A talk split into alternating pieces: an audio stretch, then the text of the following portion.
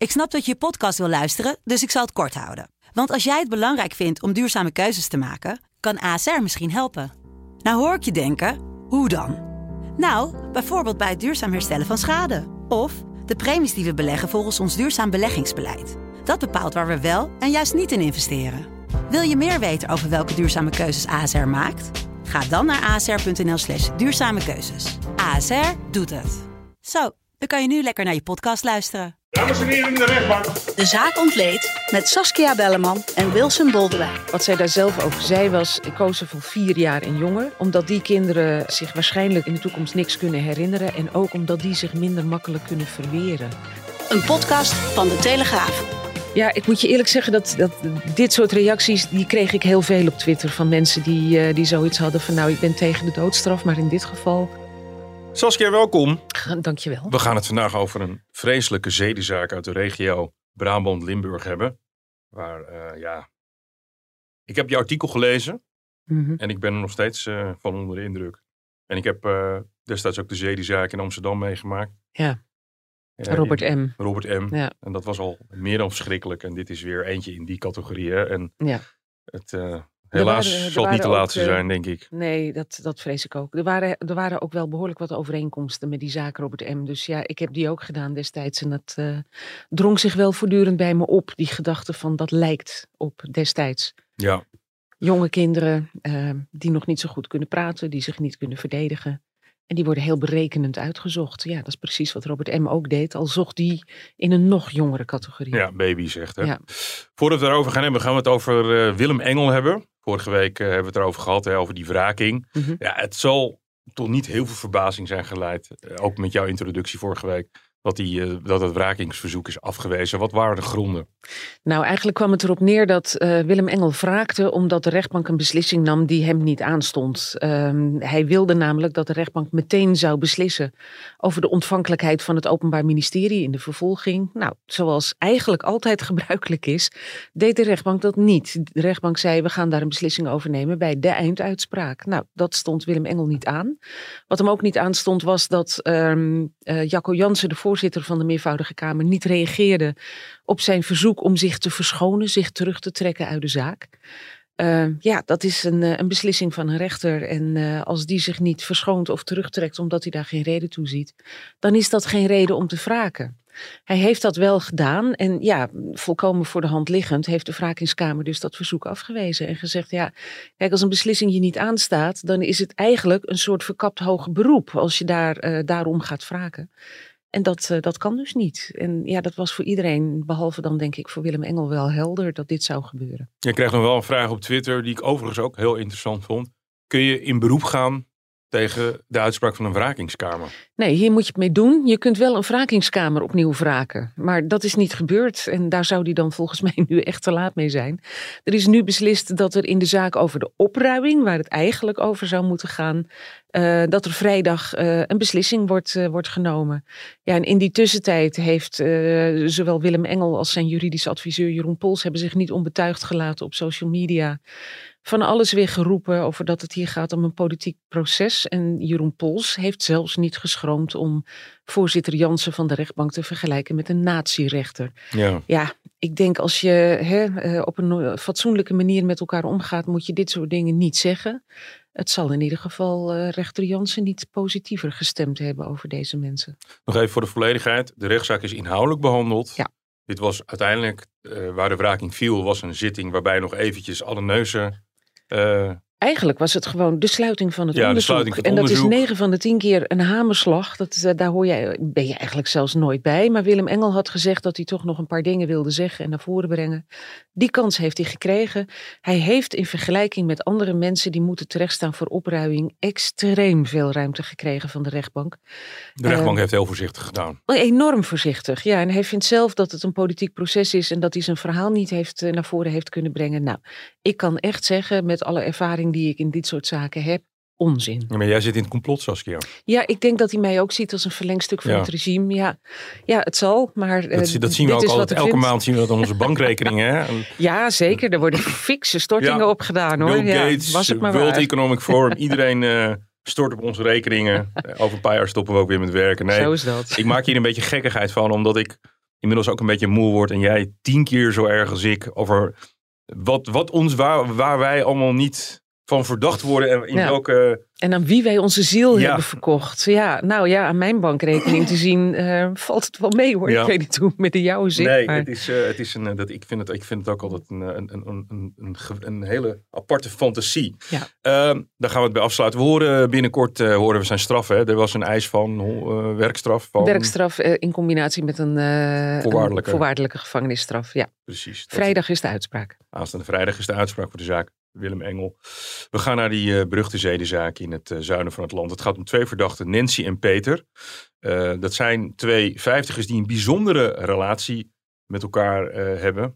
Zij is geobsedeerd door hem en hij, ja, hij heeft zeer grote fantasieën. Het gaat om bizarre fantasieën, zeg ik daar nog even bij. Ehm, het gaat over twee mensen die elkaar hebben ontmoet. Ja, via een dating site. Via een dating site, ergens in 2018. Ja. Uh, twee mensen die vrijgezel waren en eigenlijk wel weer eens een keer een relatie wilden hebben. Ja. En wat gebeurde er vervolgens? Zij ontmoeten elkaar en hij bleek er nogal bijzondere eisen op na te houden in de seksuele sfeer. Hij zei eigenlijk al meteen bij de eerste ontmoeting uh, dat hij een liefhebber was van softe BDSM-seks. Uh, eh, bondage, uh, ja, sadomasochistische seks. En zij uh, had daar geen ervaring mee, maar zei ze tegen de, de rechtbank van uh, het woord dat in mij opkwam was YOLO, you only live once. En ik vond het wel spannend, het was nieuw voor me. Dus ze is, uh, ze is meegegaan in die, in die wens van hem. Ja, en die waren al meteen tamelijk extreem. ik geloof dat meteen de tweede ontmoeting al zij door hem werd gedwongen om hem meester en zelfs God te noemen. En hij noemde haar hoer en slet en teef. Ze moest als een hondje door het huis kruipen. Ze moest zijn wc-bril aflikken. Over YOLO gesproken. Exact. En ze moest haar eigen urine drinken. Ja, ik weet niet hoe het jou vergaat, maar ik zou meteen al gillend de deur uit zijn gerend, maar zij niet. Er zijn dagen dat ik het uh, inderdaad uh, niet doe, laat ik het zo zeggen. Uiteindelijk is dat een, een relatie geworden die steeds verder ging. In 2018 hebben ze elkaar ontmoet. Ja. En de eisen werden steeds uh, groter. En op een gegeven moment kwam er ook fantasieën bij over kinderen. Ja. Seks met kinderen. Het begon eigenlijk met, met nazi-fantasieën. Daar, daar uh, speelde zich ook het een en ander uh, over af. Uh, bleek ook dat zij in zijn telefoon stond opgeslagen als Ilse Koch. Ilse Koch was een extreem sadistische kampbewaarster in, in Boegenwald. En hij stond in haar telefoon opgeslagen als de kampcommandant van Auschwitz. Nou, dat geeft ook wel weer iets aan over waar ze mee bezig waren. Dus van bondage ging het naar een soort van nazi Ja, precies. Ja, ja, En op een gegeven moment zijn ze gaan fantaseren over seks met dieren. Uh, en uiteindelijk kwamen ook uh, de fantasieën over seks met kinderen. Op een gegeven moment maakte Peter S. een einde aan de relatie met Nancy D. En dat was tot haar grote verdriet, want zij was inmiddels volledig in zijn ban geraakt.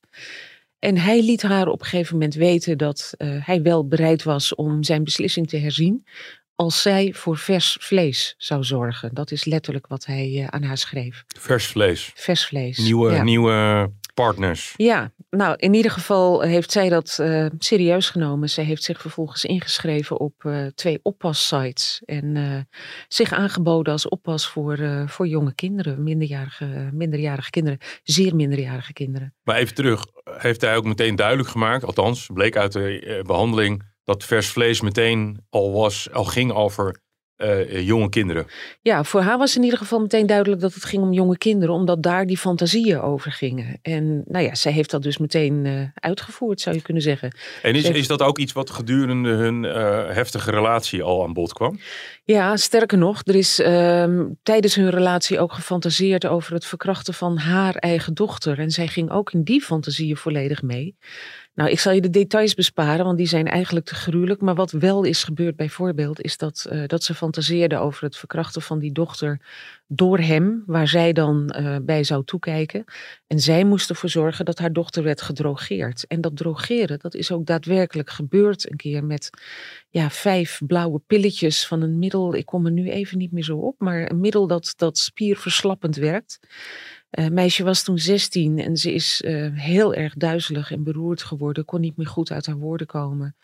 Um, ja, en ze, ze is, uh, we gaan, gaan appen met, via spraakberichten met een vriendin om aan te geven dat ze niet wist wat haar overkwam. Maar ze had dus kennelijk wel een vermoeden dat haar moeder ermee te maken heeft. Want ze heeft zich op een gegeven moment opgesloten in haar slaapkamer. Het speelde zich af in haar huis. Dat speelde zich af in haar huis. En ja, meisje is uh, godzijdank niet misbruikt. Maar ja, het is natuurlijk wel verschrikkelijk om nu te moeten horen wat jou, jouw moeder allemaal over jou heeft bekokstoofd met iemand anders. En dat zij heeft geprobeerd om jou te drogeren met pillen die eigenlijk niet eens bestemd zijn voor menselijk gebruik. Het had echt heel fout kunnen aflopen. De fantasie met kinderen begonnen eigenlijk al met haar dochter. Ja. En zij was gewoon in die fase voordat ze oppas werd al gaarne bereid om haar dochter eventueel op te offeren. Ja, blijkbaar. Kennelijk was ze zo in de banden van die Peter S. En zij zegt daar nu zelf over dat ze niet meer begrijpt hoe het kan dat zij Peter S. belangrijker vond dan haar eigen dochter, het welzijn van haar eigen dochter. Ja, en dat vond eigenlijk iedereen in de zaal onbegrijpelijk om, uh, om aan te horen. Zij heeft zich op een gegeven moment ingeschreven uh, bij twee oppassites en uh, is bewust gaan zoeken naar jonge kinderen. Nou, de eerste kandidaat was een kind, een meisje van 6,5. Daar is ze een keer geweest en daar, is ze ook, daar heeft ze ook misbruik mee gepleegd. Alleen dat meisje begon op een gegeven moment dingen te vertellen tegen haar moeder. Dus daar kwam redelijk snel een einde aan.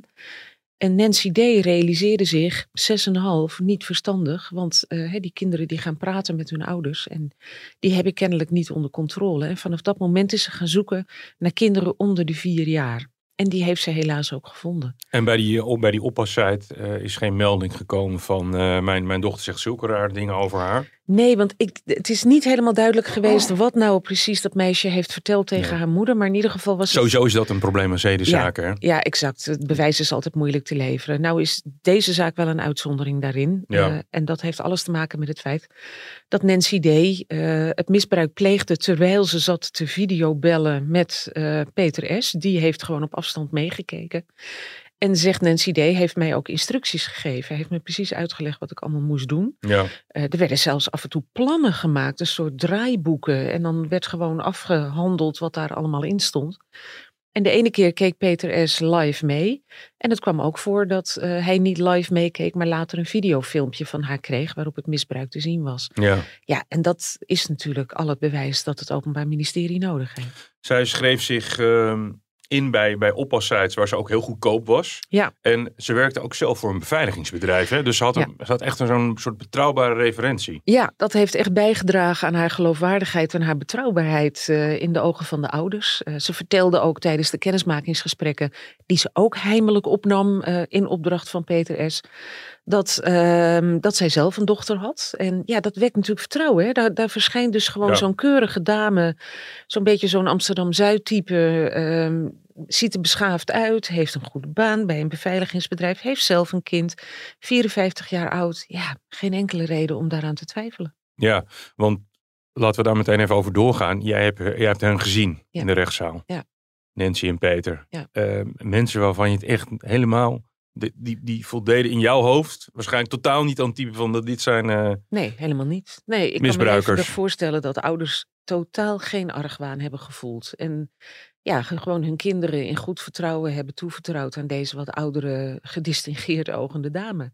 Niet wetend wat er vervolgens gebeurde. Er werd bijvoorbeeld ook iets in, in de zaal verteld over een meisje dat als Nancy D. binnenkwam zich verstopte achter de gordijnen. Ja, nu weten wij waarom dat kind dat deed. Ja. Maar die ouders die zagen dat destijds als een, als een grappig Ja. spelletje. Maar dat was het natuurlijk niet. Het kind was als de dood. Hoe, wa- wat was hun interactie met elkaar? Ik bedoel, ze zitten dan al bijna zo'n advocaten. Wat, wat, Ja. wat voor indruk kreeg je daarvan?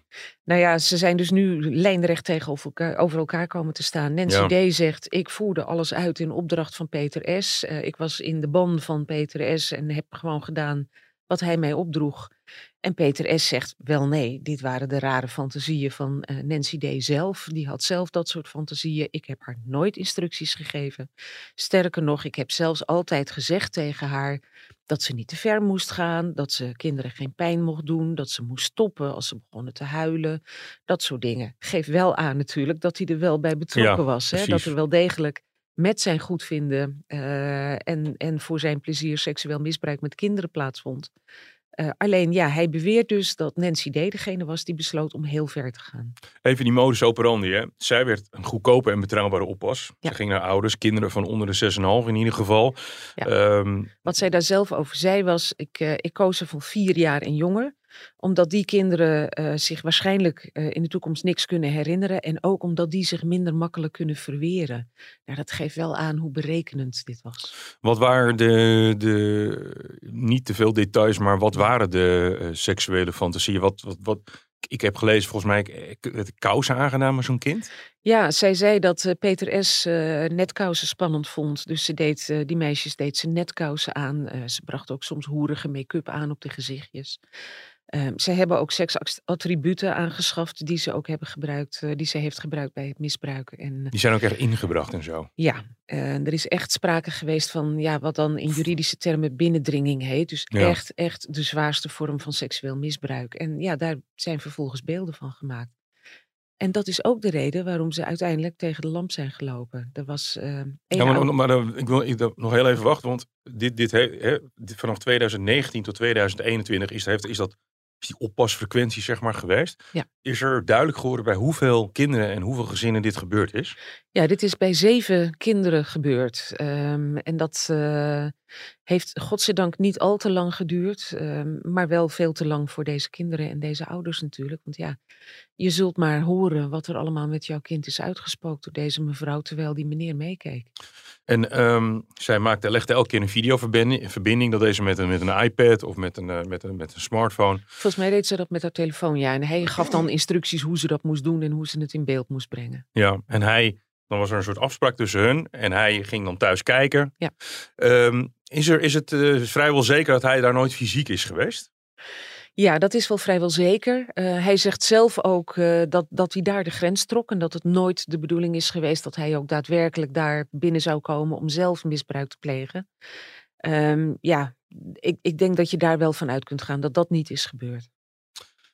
Uiteindelijk is het nadeel van hun modus operandi geweest, wat jij net al uh, aanzwengelde. Er is heel veel bewijs daardoor. Ja. Want het is ook allemaal bewaard gebleven. Ja, uh, en het gekke is vooral bij haar. Want zij heeft die opname gemaakt en uh, sloeg ze vervolgens op. Uh, hij heeft dus heel veel verwijderd van wat ze hem heeft toegestuurd. En zij zei tegen de politie tijdens verhoren: Ik was eigenlijk zijn harde schijf. Als hij weer dingen opnieuw wilde zien, nou, dan stuurden ze hem dat. En hij wist het daarna weer. Dus ja, ook hij was uh, tamelijk berekenend bezig in die zin dat hij kennelijk ook meteen dat bewijsmateriaal vernietigde. Ja. En als hij het wilde zien, dan klopte hij gewoon aan bij haar. Zij liet ook uh, sommige kinderen kinderporno weer zien, hè? Ja, dat omdat, is heel bizar, want ja. een vierjarige, wat voor, Ja. hoe, moet die, hoe moet een vierjarige dat interpreteren? Zo, want het is normaal. Nou, dat, dat was eigenlijk de bedoeling volgens Nancy D. Zij zegt dat Peter S. had gezegd, je moet ze kinderporno laten zien en uh, ja, beschouw het maar als lesmateriaal. Uh, ze moeten het als normaal gaan beschouwen. En ja, dat zou het dan makkelijker maken om die kinderen te gaan, uh, te gaan misbruiken. Ja, dat is echt heel bizar. Uiteindelijk zijn ze tegen de lamp gelopen. Er, is een, uh, er zijn ouders, die hadden gelukkig uh, ja, de, de, het, het verstand. Ja, een de nuchtere gedachte om, eens, uh, om toch eens even met een camera de oppas een beetje te bekijken. Ja, alleen Wat hebben ik- zij gezien? Wat, wat ik heb begrepen is dat die camera daar al hing. Ik weet niet of, of het nou zo was dat zij al een, een gevoel van, van ja, onbehagen hadden bij deze oppas. Ik denk het niet. Ik denk dat die camera daar al gewoon hing. Ja. Eh, het was een infraroodcamera. En nou ja, Nancy D. heeft op een avond eh, in juni opgepast in 2021. En eh, de ouders kwamen op een gegeven moment thuis. En de vader is toen gaan kijken wat zich in de kamer had afgespeeld. En die ontdekte dus dat zijn dochtertje was misbruikt. Tweejarig meisje. En die heeft onmiddellijk de politie benaderd en, en zijn verhaal gedaan en het bewijsmateriaal overhandigd. Zij is nog diezelfde nacht opgepakt en redelijk snel daarna ook Peter S. Want ja, op die, eh, die, eh, die beelden die zij had gemaakt is dus ook de stem van Peter S. duidelijk te horen. Dat hij zich nog heeft kunnen bedwingen om niet meteen een kop van haar rond te trekken. Ik zeg het nu even zo plat Ja, als het is. ja dat hij nog de me- tegenwoordigheid van geest heeft gehad van eh, ja, ik ga het met de politie regelen. Ja, ik moet je eerlijk zeggen dat dit soort reacties, die kreeg ik heel veel op Twitter van mensen die, eh, die zoiets hadden van nou, ik ben tegen de doodstraf, maar in dit geval, dat hoor ik wel vaker. Maar mensen bleken ook wel heel creatief te zijn in eh, de manier waarop deze mensen ter dood zouden moeten worden gebracht. Ja, eerlijk gezegd, ik vond het al moeilijk genoeg om deze zaak te volgen vanwege de hele akelige, expliciete details. Nee, maar het dan gaat mij je, meer om dat krijg je moment. ook nog eens alle, alle, alle Nee, boodschappen van mensen eroverheen die... Het gaat mij heel erg om het Hè? moment dat zo'n man Je moet zo zien, je bent, je bent uit geweest, je bent het eten geweest, je hebt een betrouwbare oppas. En je denkt, ik ga uit nieuwsgierigheid, om wat voor reden dan ook, die camerabeelden bekijken. En je ziet wat daar gebeurt. Ja, ja dan, dan, dan stort de hele wereld in elkaar, de grond onder je voeten. Ja, ik denk, ik kan me heel goed voorstellen dat je een rode waas voor je ogen krijgt. En dat je dan tot, in staat bent tot alles. Nou, deze man die heeft godzijdank uh, besloten om, uh, om de politie te waarschuwen. En dat, dat is maar goed ook, omdat dat vervolgens aan het licht heeft gebracht dat er nog veel meer kinderen het slachtoffer waren geworden.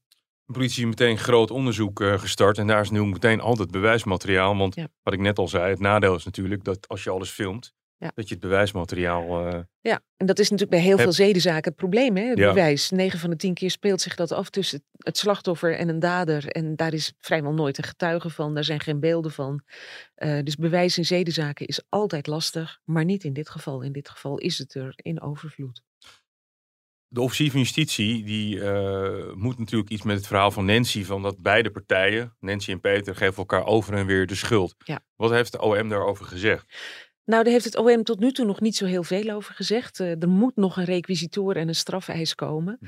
Maar het uh, viel wel op dat tijdens die eerste dag de ondervraging zich heel erg richtte op Nancy D. Wat op zich logisch is, omdat zij degene is die op plaats delict, zeg maar, uh, ja, precies. Zij heeft daadwerkelijk het misbruik gepleegd. Maar het blijkt uit de chats die werden voorgelezen, die tussen die twee zijn uitgewisseld, ook wel dat Peter S. niet bepaald een geringe rol heeft gespeeld. Ook al probeerde hij in de zaal dat wel heel erg te bagatelliseren. Hij ja, gooide toch vooral op Nancy D. Dat was degene die um, de extreme fantasieën had. Maar ja, hij heeft er wel naar gekeken. Um, hij heeft er wel van genoten, kennelijk. Hij heeft toegegeven dat hij een aantal malen ook zichzelf heeft bevredigd tijdens het kijken naar, naar de filmpjes of de opnamen. Ehm, en je hoort zijn stem op die beelden. En hij reageert ook op wat er gebeurt. Nou, er is interactie. Ja, dat waren geen reacties in de trend van Nancy, waar ben je mee bezig? Stop er eens even snel mee. Dat uh, was niet aan de orde. Nee, heb jij zelf er iets van gezien in de zaal? Nee, eerlijk gezegd uh, gelukkig niet. Nee. nee, er is een compilatie gemaakt van beelden die de rechtbank heeft gezien. En aanvankelijk was er sprake van dat die beelden ook zouden worden getoond in de rechtszaal. Maar uiteindelijk is besloten om dat niet te doen. Ze werden wel heel erg in detail besproken. Dus we hebben wel, ja, je, je, je, je krijgt vanzelf een beeld erbij hoor, als je hoort wat er allemaal zich heeft afgespeeld. Ik heb ook uh, tijdens het twitteren over deze zaak me enorm ingehouden om niet alles op te schrijven wat daar werd verteld, maar het was gruwelijk.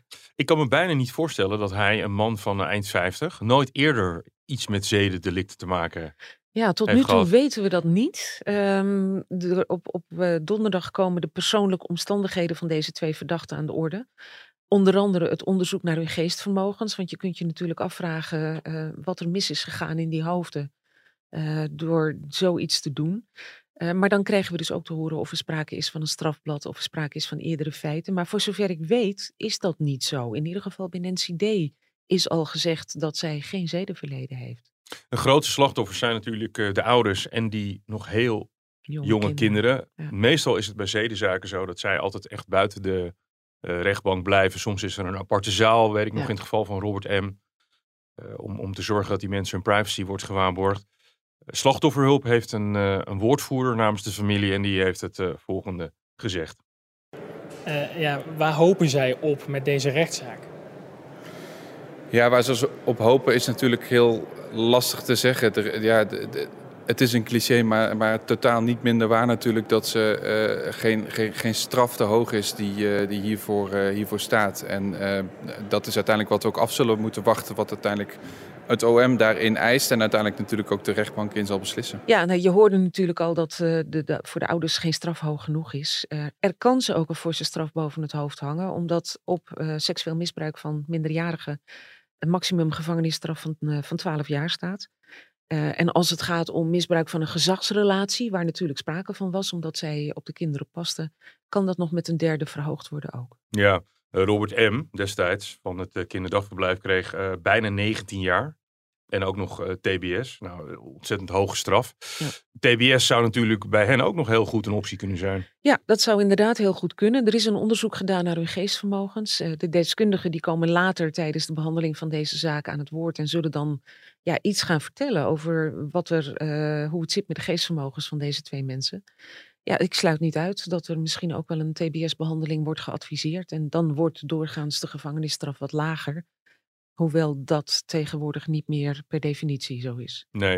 Het is een hele heftige zaak, zedenzaken. Desalniettemin gebeuren ze, moeten wij ze ook behandelen. Um, ja, dit zijn uh, geen leuke onderwerpen. En um, praat er vooral over met elkaar. Hè, is dan ons uh, ja. advies. Dat, dat, je, dat je allemaal goed op elkaar, op elkaar blijft passen. Deze nood toch een beetje voor dit soort zaken. Want niet iedereen kan hier even goed mee omgaan. Saskia, dankjewel. Graag gedaan. Dit was de, de zaak ontleed voor uh, deze keer. Vindt u dit een leuke podcast? Laat u dan een recensie achter op het platform waarop u dit luistert. Mijn naam is Wilson Boldewijn en tot de volgende keer.